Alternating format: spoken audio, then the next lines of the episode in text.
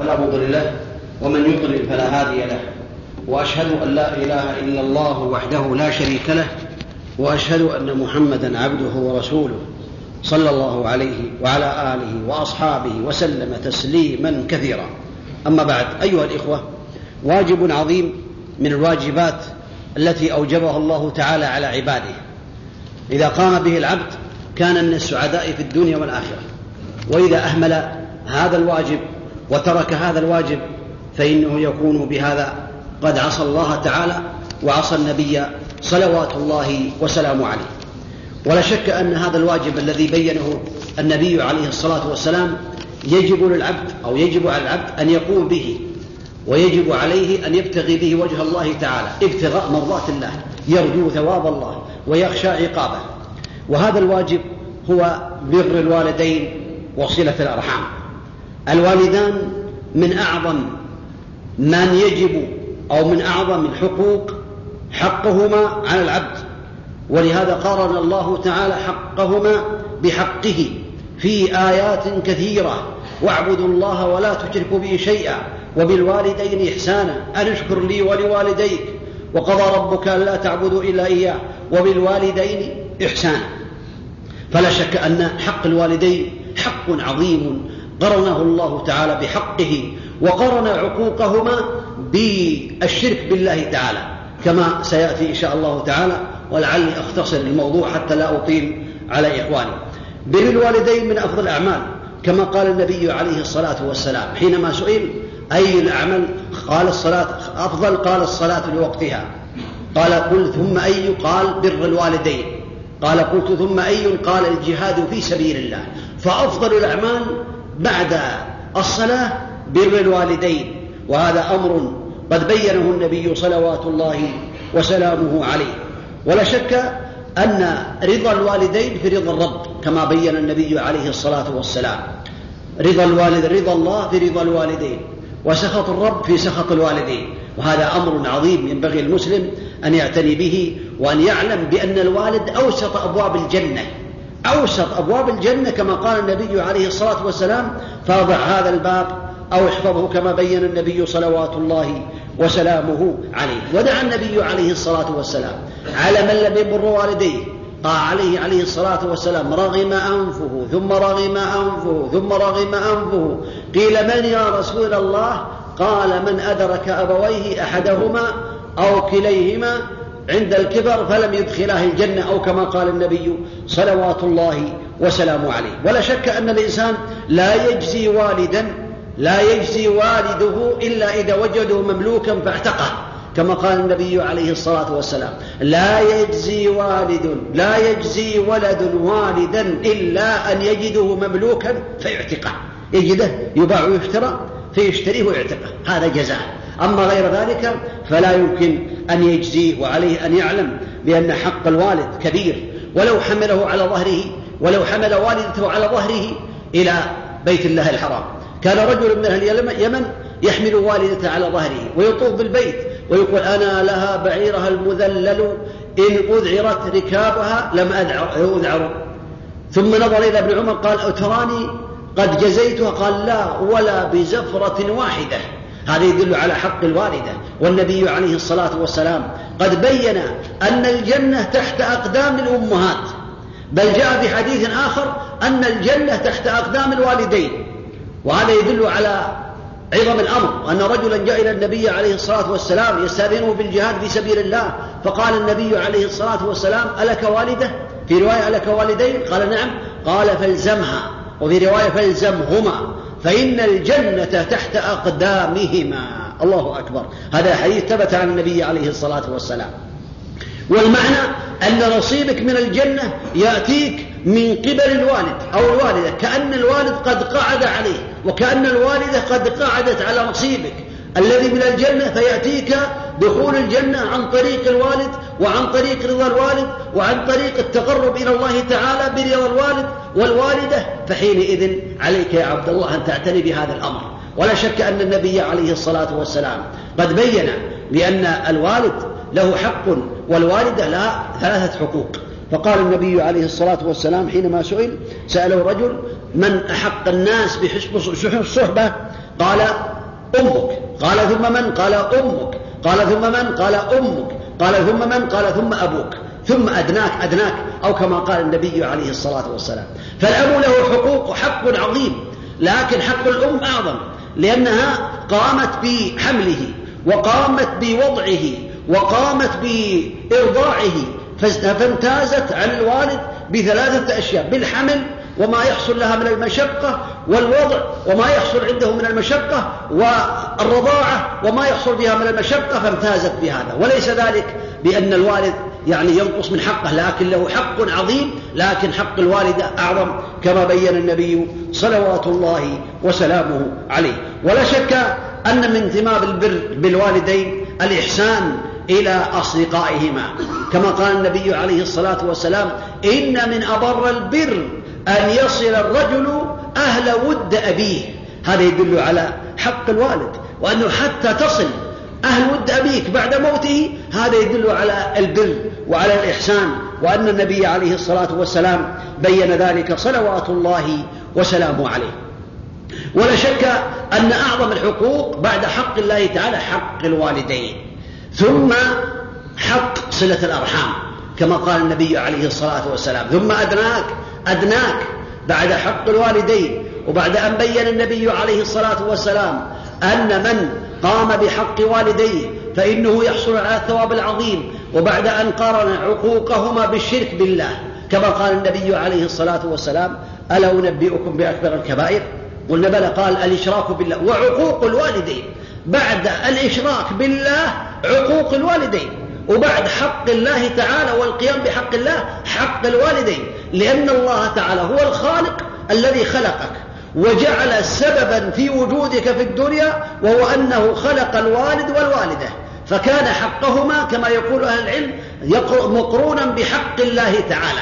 فمن قصر في حق الوالدين فقد قصر في حق الله وقد وقع في هذا الأمر العظيم. صلة الأرحام كذلك.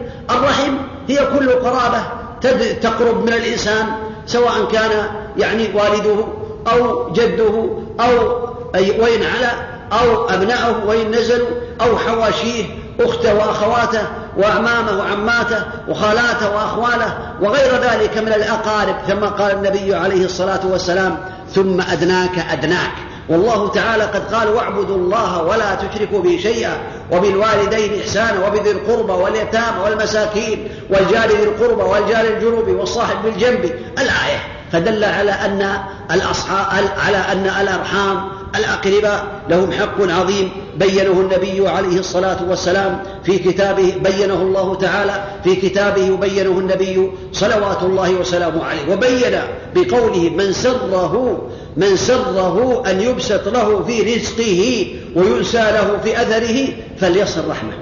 رحمه. وفي رواية من أحب أن يبسط له في رزقه. وأن ينسى له في أثره فليصل رحمه. من أحب أن يزيد الله في ماله ومن أحب أن يطيل الله في عمره فعليه أن يصل رحمه كما بين النبي صلوات الله وسلامه عليه. وصلة الرحم وحسن الجوار وحسن الخلق يعمران الديار ويزيدان في الأعمار كما ثبت ذلك عن النبي عليه الصلاة والسلام. فإن الأمر عظيم ولهذا جاء في الحديث لا تنزل الرحمة على قوم فيهم قاطع. أي قاطع رحم. هذا إذا تمالوا على ذلك ولم يقوموا بذلك.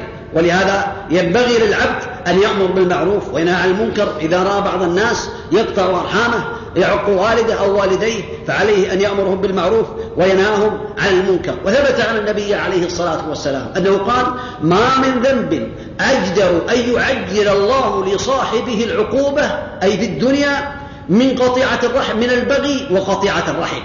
هذا عقوبة عاجلة. قد تأتيه العقوبة في الدنيا عاجلة كما بين النبي عليه الصلاة والسلام. وهذا خطر عظيم على العبد. فعليه أن يتقي الله وعليه أن يصل رحمه وعليه أن يعلم أن الله حينما خلق الخلق تعلقت الرحم بالعرش. وقالت يا رب هذا مقام العائذ بك من القطيعة. فقال أما ترضين أن أصل من وصلك؟ وأقطع من قطعك. قالت بلى. قال فذلك لك. بين النبي عليه بين الله تعالى لهما أو للرحم أن ذلك لك. وقال النبي عليه الصلاة والسلام فهل عسيتم إن توليتم أن تفسدوا في الأرض وتقطعوا أرحامكم أولئك الذين لعنهم الله فأصمهم وأعمى أبصارهم. فدل ذلكم على أن صلة الرحم من أعظم القربات إلى الله تعالى وقطيعة الرحم من أعظم الجرائم ومن أعظم الذنوب التي يقع فيها الإنسان لأن الإنسان قد يقع في هذا الذنب العظيم وقد يحصل الإنسان على أذى من من أرحامه وقد يحصل على قطيعة. والنبي عليه الصلاة والسلام قال ليس الواصل بالمكافي ولكن الواصل الذي إذا قطعت رحمه وصلها. هذا هو الواصل بالحقيقة. فبعض الناس يقول فلان لا يزورني ولا يعتني بزيارتنا ولا يتصل بنا فيقطعه. لا هذا قطع لكن عليك أن تصل. فإن الصلة في الحقيقة هي أن تصل من قطعك وتعطي من حرمك وتعفو عن من ظلمك. فكونك تصله وهو يقطعك هذا أعظم في أجرك أعظم. أما كونه يزورك ويعطيك ويتصل بك ويقابلك ويسلم عليك ثم أنت تعمل ذلك هذه المكافأة قال ليس الواصل بالمكافي ولكن الواصل الذي إذا قطعت رحمه وصلها. هذا يدل على عظم هذا الأمر. وبعض الناس ربما يحصل على أذى. فالنبي عليه الصلاة والسلام قال لرجل حينما سأله قال يا رسول الله إن لي قرابة أصلهم ويقطعوني ويحسن إليهم ويسيئون إلي وأحلم عنهم ويجهلون علي. فقال لئن كنت كما قلت فكأنما تسفهم الملة ولا يزال معك من الله عليهم ظهير حتى ما دمت على ذلك أو كما قال النبي عليه الصلاة والسلام. هذا يدل على أن الإنسان إذا وصل رحمه وإن جاروا وإن أساءوا إليه فهو يحصل على الثواب العظيم. لئن كنت كما قلت كأنما تشفهم ملة الملة هو الرماد الحار. الرماد الحار كأنما يشفهم ملة وثم بين له النبي عليه الصلاة والسلام أنه لئن كنت كما قلت فكأنما تشفهم الملة ولا يزال معك من الله ظهير عليهم عوين يعينك. ما دمت على ذلك. ما دام أنك على ذلك وتصلهم الله يعينك. سبحانه وتعالى بإعانته سبحانه وتعالى ويوفقك ويسددك لأنه معك سبحانه وتعالى. فلا يظن الإنسان بأنه إذا أساء إليه أرحامه أو أقرباؤه بأنهم يعني بأنه قد خسر. لا. صله وابشر بالخير. خير له أن يسوء إليه. هو خير له بالحقيقة في الأجر والثواب والصلة والمد في العمر وبسط الرزق خير له. لكن لو حصل الوئام وحصلت الرفقة وحصلت المحبة وحصلت المودة كانت أحب إلى الله تعالى ولا شك أن الإنسان يبادر حتى يكون هو خير من أرحامه. حاول أن تكون أنت أحسن منهم في كل شيء. خيركم خيركم لصاحبه هذا الصاحب العادي. خيركم خيركم لصاحب خير الأصحاب عند الله تعالى خيرهم لصاحبه. وخير الجيران عند الله تعالى خيرهم لجاره. فإذا أردت أن تعلم هل أنت خير أم جار أم جارك؟ هل أنت خير أم قريبك؟ فانظر هل أنت أحسن عنده وفي صلته وفي يعني الإحسان إليه وفي إكرامه وفي السلام عليه فأنت خير. أما إذا كان هو خير فهو خير عند الله تعالى. فعليك أن تنافس في هذا الخير العظيم. الذي حث النبي عليه الصلاة والسلام عليه. ولا شك أن أنواع الصلة كثيرة. الصلة صلة الأرحام قد تكون بالمال إذا كان يحتاج إلى المال. قد تكون بالإحسان ببشاشة الوجه إذا لم يحتاج إلى غير ذلك. قد تكون بالزيارة قد تكون بالاتصال قد تكون بالشفاعة الحسنة قد تكون بإزالة الكروبات قد تكون بالمعاونة على أمور الدنيا. قد تكون بإزالة الكربة على حسب الحاجة وعلى حسب الحال وعلى حسب ما يحتاجه القريب من قريبه وهذا يدل قد تكون بالدعوة إلى الله والإحسان والأمر بالمعروف والنهي عن المنكر. بعض الناس يسكت عن المنكر عن عند أقاربه لا من الإحسان إليهم ومن الصلة العظيمة أن تدعوهم إلى الله وأن تعلمهم ما ينفعهم وأن ترد عنهم ما يضرهم وهكذا. هذه أنواع الصلة. بعض الناس يظن بأن الصلة بالمال فقط لا. أو بالزيارة والسهر إلى آخر الليل لا. أو بغير ذلك من الأمور الصلة على حسب الحاجة التي يحتاجها القريب ابتغاء مرضات الله تعالى. ولا شك أن العبد إذا قام بذلك فإنه يحصل على الثواب العظيم ويحصل على ما أعد الله تعالى لمن وصل رحمه من السعادة ومن التوفيق ومن التمكين ومن الزيادة في الرزق ومن الحصول على الجنة ومن النجاة من النار لا شك أن الإنسان يحصل على هذا الثواب العظيم في صلة أرحامه وفي بر والديه لأنه أطاع الله وأطاع النبي صلوات الله وسلامه عليه. بعض الناس يهجر قريبه ويظن بأنه على خير. لا هذا إذا هجر قريبه فإن في هذا الأمر الأعمال توقف كما قال النبي عليه الصلاة والسلام في الحديث لا يحل لمسلم أن يهجر أخاه فوق ثلاث. يعرض هذا ويعرض هذا وخيرهم الذي يبدأ بالسلام هذا المسلم. فكيف بالقريب؟ فكيف بالقريب؟ وقال تعرض الأعمال تعرض الأعمال على الله تعالى. يوم الاثنين ويوم الخميس فيغفر الله تعالى لكل مسلم لا يشرك بالله شيئا إلا رجلين كانت بينهما شحناء يقول الله تعالى أنظر هذين حتى يصطلحا أنظر هذين حتى يصطلحا. هذا في المسلم العادي فكيف بالرحم القريب؟